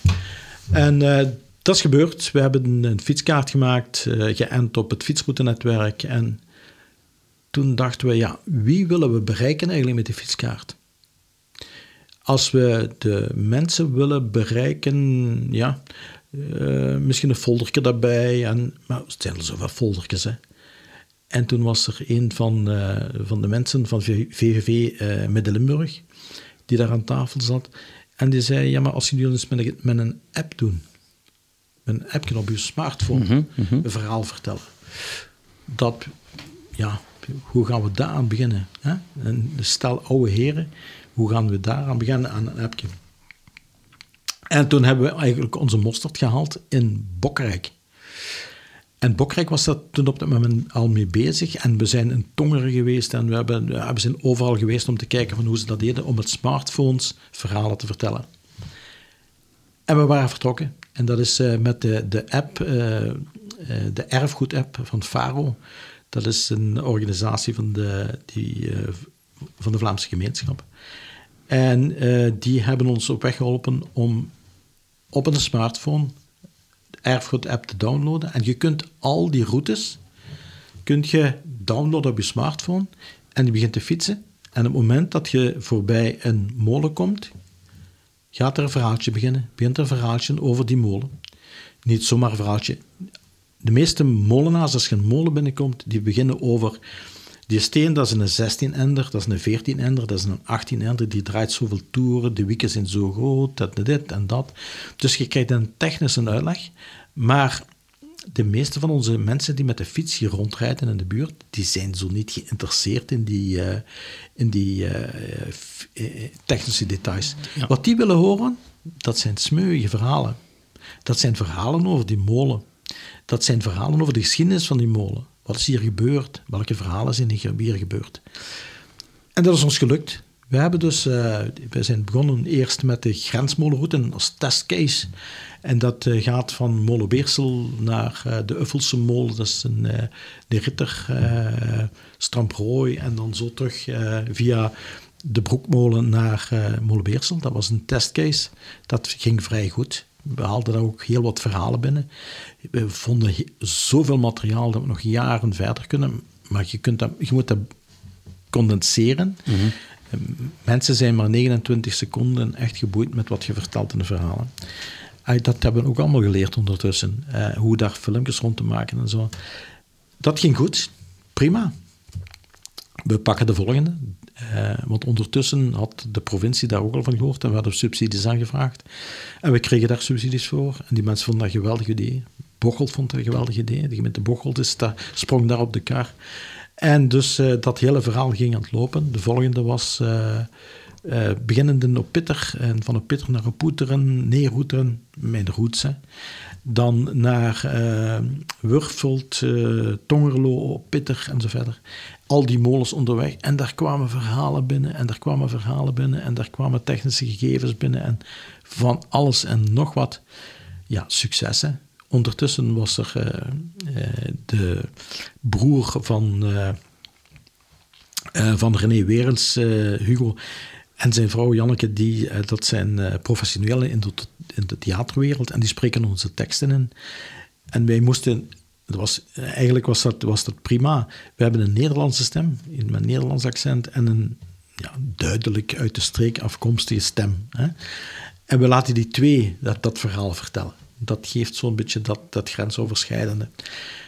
En ondertussen, uh, sinds vorige week, staat, uh, staat hier de regio op, uh, ook op, op de app. En je kunt die gratis downloaden. Erfgoed-app noemt dat.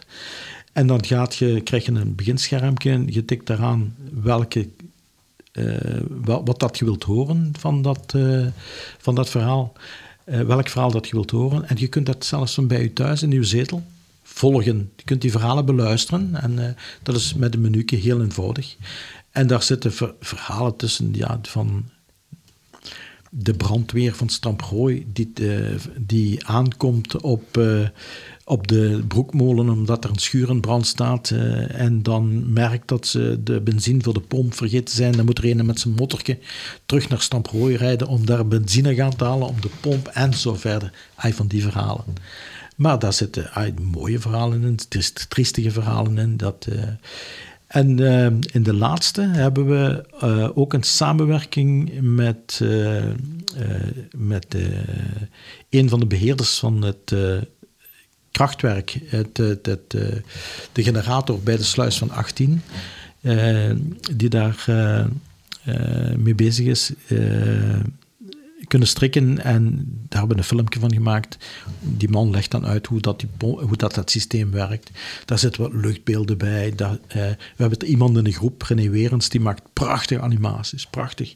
Van, die laten een, een, een, een uh, een uh, volmolen draaien zoals die draaide 200 jaar geleden, uh, virtueel. Mhm. Prachtig. En ja, zo proberen wij ons. Dat hebben we dus de laatste twee jaar gedaan. Dus als er niet gegidst wordt in Bokrijk, of als er niet gegidst wordt in Klankenbos, we hebben ons handen vol. Zit toonverlaag nee, dan zijn ze ijdel. Nee, nee, nee dus... Uh... Nog één item wat we heel kort hebben aangehaald bij de inleiding. De, althans als we goed geïnformeerd zijn, de nog thuisliggende stofvergarende signaalklaroen. Dus heeft vanavond toevallig het huis verlaten. Kijk eens aan. Alle twee. Het is inderdaad een, een afgesloten hoofdstuk, maar ook het, het, het, het, het bruist van, van folklore, van... van ja. Nou, dus, de schutterie? Nee, nee, nee. Heeft met, eigenlijk heeft het met de schutterie niks te maken. toen ik als tienjarige, dat moet zo 65, 66 geweest zijn. Toen ik als tienjarige uh, in de Giro kwam in die Rotterdam, mm had hij die nog een muziekkapel. Die hadden uh, uh, eigenlijk, als je dat nu bekijkt, als je die foto's terugziet, met die bruine hemdjes en die grote trommen en die signaalklaroenen, tegenwoordig lijkt dat allemaal een beetje verdacht. Maar toen was dat eigen aan de jeugdbewegingen van toen. Hè. En wij keken daar geweldig op, hè, naar die, uh, naar die muziekkapel van die mannen. Want als wij uittrokken, moet je je voorstellen, in 1965 uh, eh, gingen wij nog naar het LOF op zondag namiddag. Voor de mhm. mensen die niet uh, weten wat dat is. Dat was één keer per maand, dacht ik. En dan trokken wij met de muziekkapel en dan de hele boel daarachter marcherend naar het LOF toe. En dat sprak, als jong gastje sprak u dat geweldig aan. Maar dat, uh, wij hadden ook zo van, uh, wat, die bliezen wat signalen, zo, als vroeg bij het leger, hè, van opstaan en slapen gaan en dat allemaal. En um, toen, ik, toen ik 17 was en toen ik terechtkwam in, in het leger, toen was een van de eerste vragen die ze daar stelden, zijn er mannen bij die een instrument spelen? De dommerik stak zijn vinger op omhoog, zoals zo dikwijls. En uh, ja, ik speel... Ah, ik, uh, en wat speel ik? Klaroen. Ah, dat is juist wat we nodig hebben. Kom een keer naar de repetitie. En die hadden ook een muziekkapel. Prachtige tijd mee beleefd. Ongelooflijke tijd mee beleefd.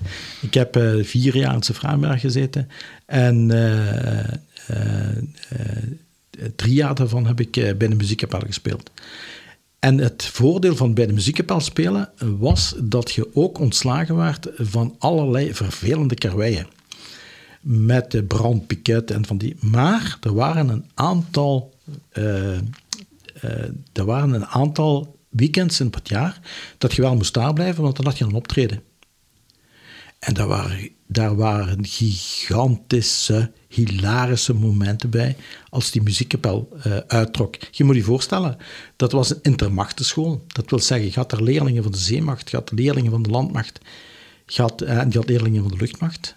Allemaal verschillende kostuums aan. En die speelden samen, je moet je voorstellen, in een harmonie, waar ze, of een fanfare, waar ze met, wat was een fanfare, waar ze met drie verschillende uniformen rondlopen. Nu, dat was ook nog bij dat dat voor de helft Nederlandstaligen en voor de helft Franstaligen waren. Want dat was een gemixte school. Mhm. Je kreeg daar dus hilarische momenten te mee te maken. Uh, want we hadden een oude... Uh, toen, die, was, die was toen veel jonger dan ik nu. Maar, uh, die toen was het oude. toen was het oude. En dat was de adjudant Jolie. Een doodbrave mens, maar hij sprak beperkt Nederlands was een Franstalige, maar dat was allemaal geen probleem.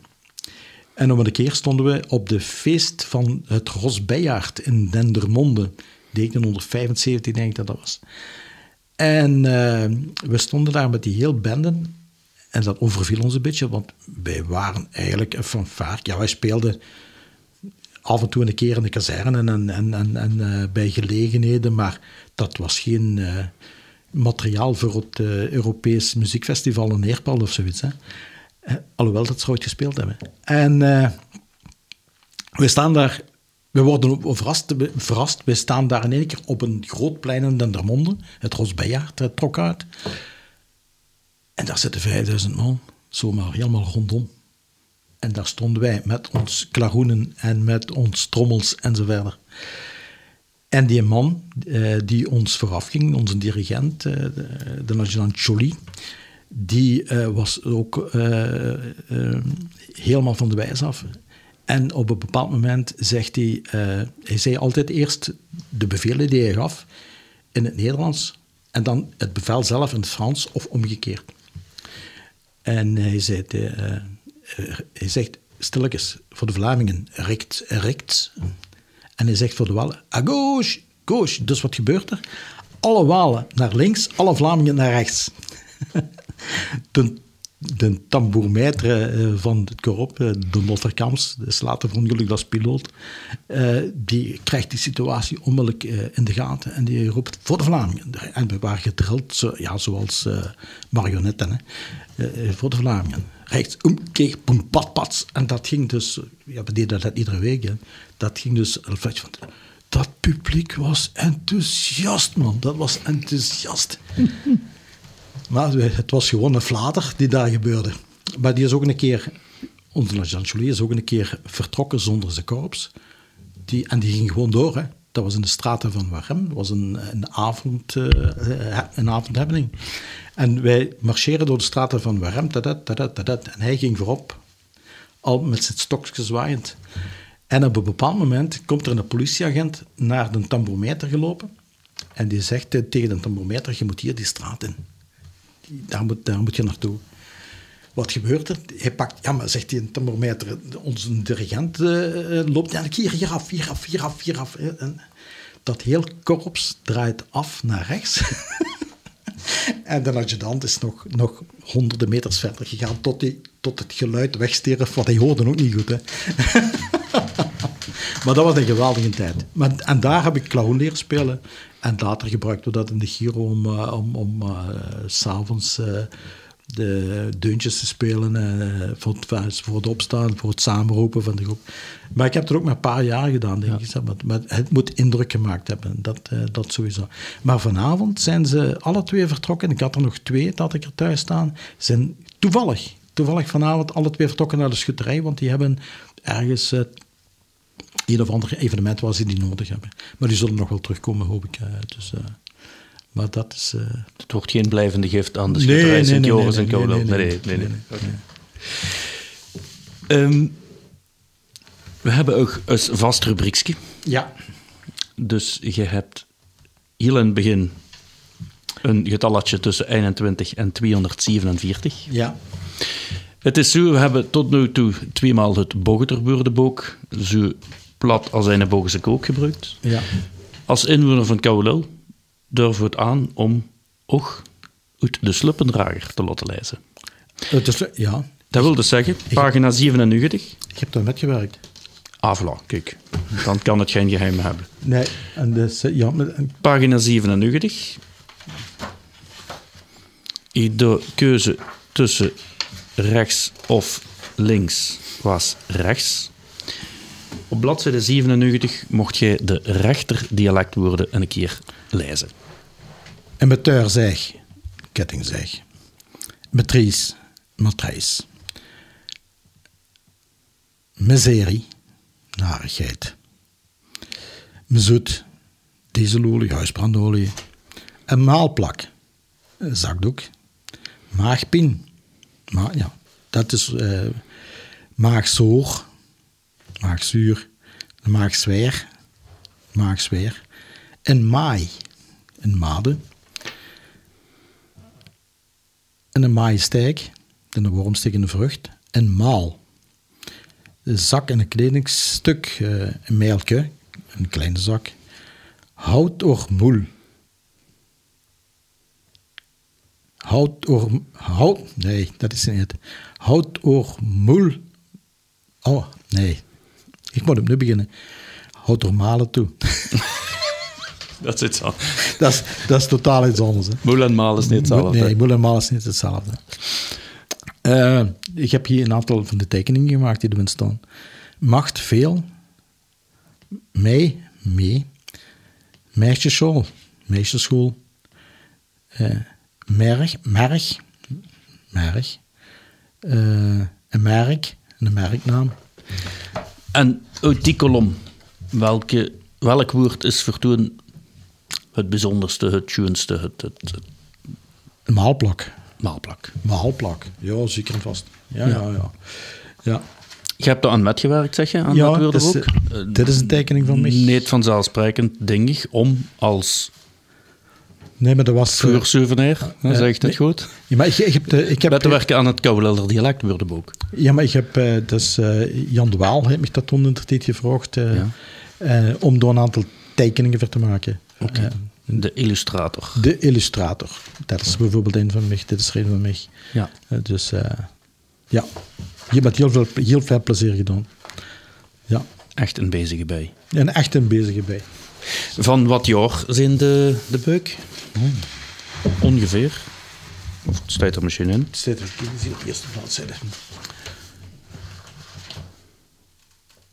ISBN uit 2004. 2004, kijk eens aan. Toen was je nog werkende, dus eh, ja. Wordt er ten huize verlaag nog dialect gesproken? Eh, Mia en ik, wij kallen plat hem, maar de kinderen praten geen dialect meer. Nee. Nee, dat is, en eigenlijk is dat, eh, we, we hebben daar heel lang over nagedacht. Nee, we hebben daarover nagedacht. En toen eh, was het, ja, Mia is, Mia is van kinder. Ik ben van Voersuwe. Het een ligt aan de ene kant van de beek, de andere ligt aan de andere kant van de beek. En eh, van de Itter. En eh, eh, wij, woonden, wij woonden in Kouwelel. En toen was het dus niet vanzelfsprekend dat we het ofwel Kouweleller, het campus, of het Maaslands, het zou erg verwarrend zijn voor de kinderen. En wij, maar wij zijn, altijd, wij zijn altijd dialect tegen elkaar blijven praten. Komt ook, dat ik spreek zo, eh, met Mia zo'n beetje een kinderroeismolen Beersels. En dat komt uit mijn jeugd. Dat ik eh, dat Maaslands... eh, maar als ik onder vrienden ben, bijvoorbeeld of met mijn broers... Dat is dus het, het platst en de roters eh, wat je kunt hebben. Hè. Dus, Ja. dat is, Een laatste item uit deze podcast. Laatste. ja. Het is een oud kaartspel. Ja. Op het kaartspel staan een aantal figuren. Ja. Eh, je hebt de keuze gemaakt voor kleeën. Dus dan gaan wij ook het pakketje van kleeën aanbieden. Voilà. Wij vragen ook een kaart te trekken. Ja. Op die kaart staat een foto, getrokken door Fodi de Kroon. Ja. Eh, het kan een plaats zijn, het kan een gebeurten- een gebeurtenis zijn, het kan een onderneming zijn. In elk geval vragen we om een kaart te trekken en te vertellen wat je daarvan weet. Het is klie nummer. Simons Fashion. En dat staat op kaart klie de boor. De boer. Op klieboor staat Simons Fashion. Wat weet toen verlaak over Simons Fashion? Eh, Simons Fashion. Simons Fashion is een winkel van kledijwinkel op de Kouwellerweg. Of is dat? Ja, ja, ja. Ja, hè? dat is, eh, ja. Eh, de, door de familie Simons uitgebaat werd. Ja, eh, net zien ondertussen de kinderen al zeker die dat uitbaat, de dochter. Die dat uitbaat, Simons Fashion. Ja, ik kom er eigenlijk bekend dagelijks, dagelijks aan voorbij. Is, is toen het roots gestopt, toen verlaak? nee, Nee. nee. Misschien toch eens doen. Ja, voilà. Simons Fashion, voilà. Een van de dochters is getrouwd met eh, de zoon van een eh, collega van mij. Een gids in Boekrik. Ah, voilà. Kijk. Ja. Dat is de insteek van Simons Fashion Ja. voor toen verlaag. Dus dat is prima. Laatste vraag. De kaart is niet voor niks eh, nog ingekomen. Het is een heel schoon eh houtsneewerk. Met destijds de straten, de kanaal, alles uitgesneden, uitgestoken wat er toen was. Ja. Iets, misschien niet, misschien wel. Stel, er komt een fusie. En we moeten kiezen rondom ons, de gemeente die aan ons grenst, met welke gemeente mag Vertuun Verlaak of Moot Vertuun Verlaak boog het fusioneren. We hebben Hamet Achel, we hebben Per, we hebben Meeuwen Eilekom is dan Oudsbergen, Bree en we kunnen zelfs de grens over Met Wiert, hè? met Weert. Dus boog het mag in de toekomst fusioneren Vertuun Verlaak met Met Wiert, met, eh, met, eh, met Bree, met Peer, met... eh, eigenlijk maakt het mich, niet eh, met wij of zo, maar... Eigenlijk is... Die, en, is er altijd een, een heavy item, hè. Eh, die zeggen altijd van, ja, de bovenkant van, eh van Boggent, dat, eh, dat bedoelen ze Kouwelel, dat, dat moet nog, nog naar eh, de, de Vallei van de Dommelen. Dat moet naar, naar Pelt. En de onderkant, dat moet naar Brie. Maar ik ben er helemaal niet meer akkoord. Ik vind, eh, wat is het, het beste, we halen het meeste vierdeel uit. Dat moest er nog wel. Dus eh, voor mij mag dat allemaal niet uit. Er zijn nu nog mensen in Kouwelel die tegen mij zeggen van, ah, maar ik best niet van Kouwelel. Ik zeg, nee, ik woon hier nog maar 41 jaar, maar eigenlijk, eh, nee. Oké. Maar ja, Maar eventueel wel een lichte vuurleefde zelfs serveert. Omwille van het moelen... Met, met het meulenverhaal, hè. Ja. Dus eh, ja, voor... eh alhoewel, ja... Ja, grote bril, ja, die peer. Wij- mijn vrouw en ik hebben, wij hebben altijd een, een peer en een, grote bril, gro- een kleine bril gewerkt. Dus misschien nog meer peer. Peer. Ja. Het kan alle kanten het uit. kan, voor mij kan het alle kanten uit. Nu, Bart, wij beslissen dat niet. Dat is heel plezant om te zeggen, maar wij beslissen dat niet. Wij beslissen dat echt niet. Nee. En precies omdat het alle kanten uitgaat, of kan gaan, toen leven is ook alle kanten al uit geweest. Ja, ja, ja. ja. We vonden het heel boeiend. ja. Dank u wel om hier vandaag te zijn. Gedaan. En we wensen ook nog veel succes bij het volgende duizendpoortverhaal, want het zal niet stoppen bij enkel maar gidsen of enkel maar engagement. Het volgende is bakken. Hè. Het volgende is bakken. Bakhoes is het volgende. Een bakhuis. Bakhoes en, eh, en het verhaal Kempenbroek en het verhaal met de Mieles, dat is, eh, dat is het volgende. Laat het dus weten als het bakhuis operationeel is. Nee, als de nee. seizoenscout staat. En dan kunnen we heel graag uchteren, zuiveren. We gaan dat eh niet doen met deze seizoens. Wat God weet wat er dan weer uitkomt. Voilà. Doen. Dank u wel. Graag gedaan. Veel succes. Ja. Goedenavond. Dit was 3950 de podcast. Info, verhalen, items die aan bod kwamen, als ook het herbeluisteren of zelfs herbekijken van deze podcast kan via www.bocholt.be. Wij waren te gast in de studio bij Bart Heijnen. Voor nu, heel erg bedankt om te luisteren en tot gauw.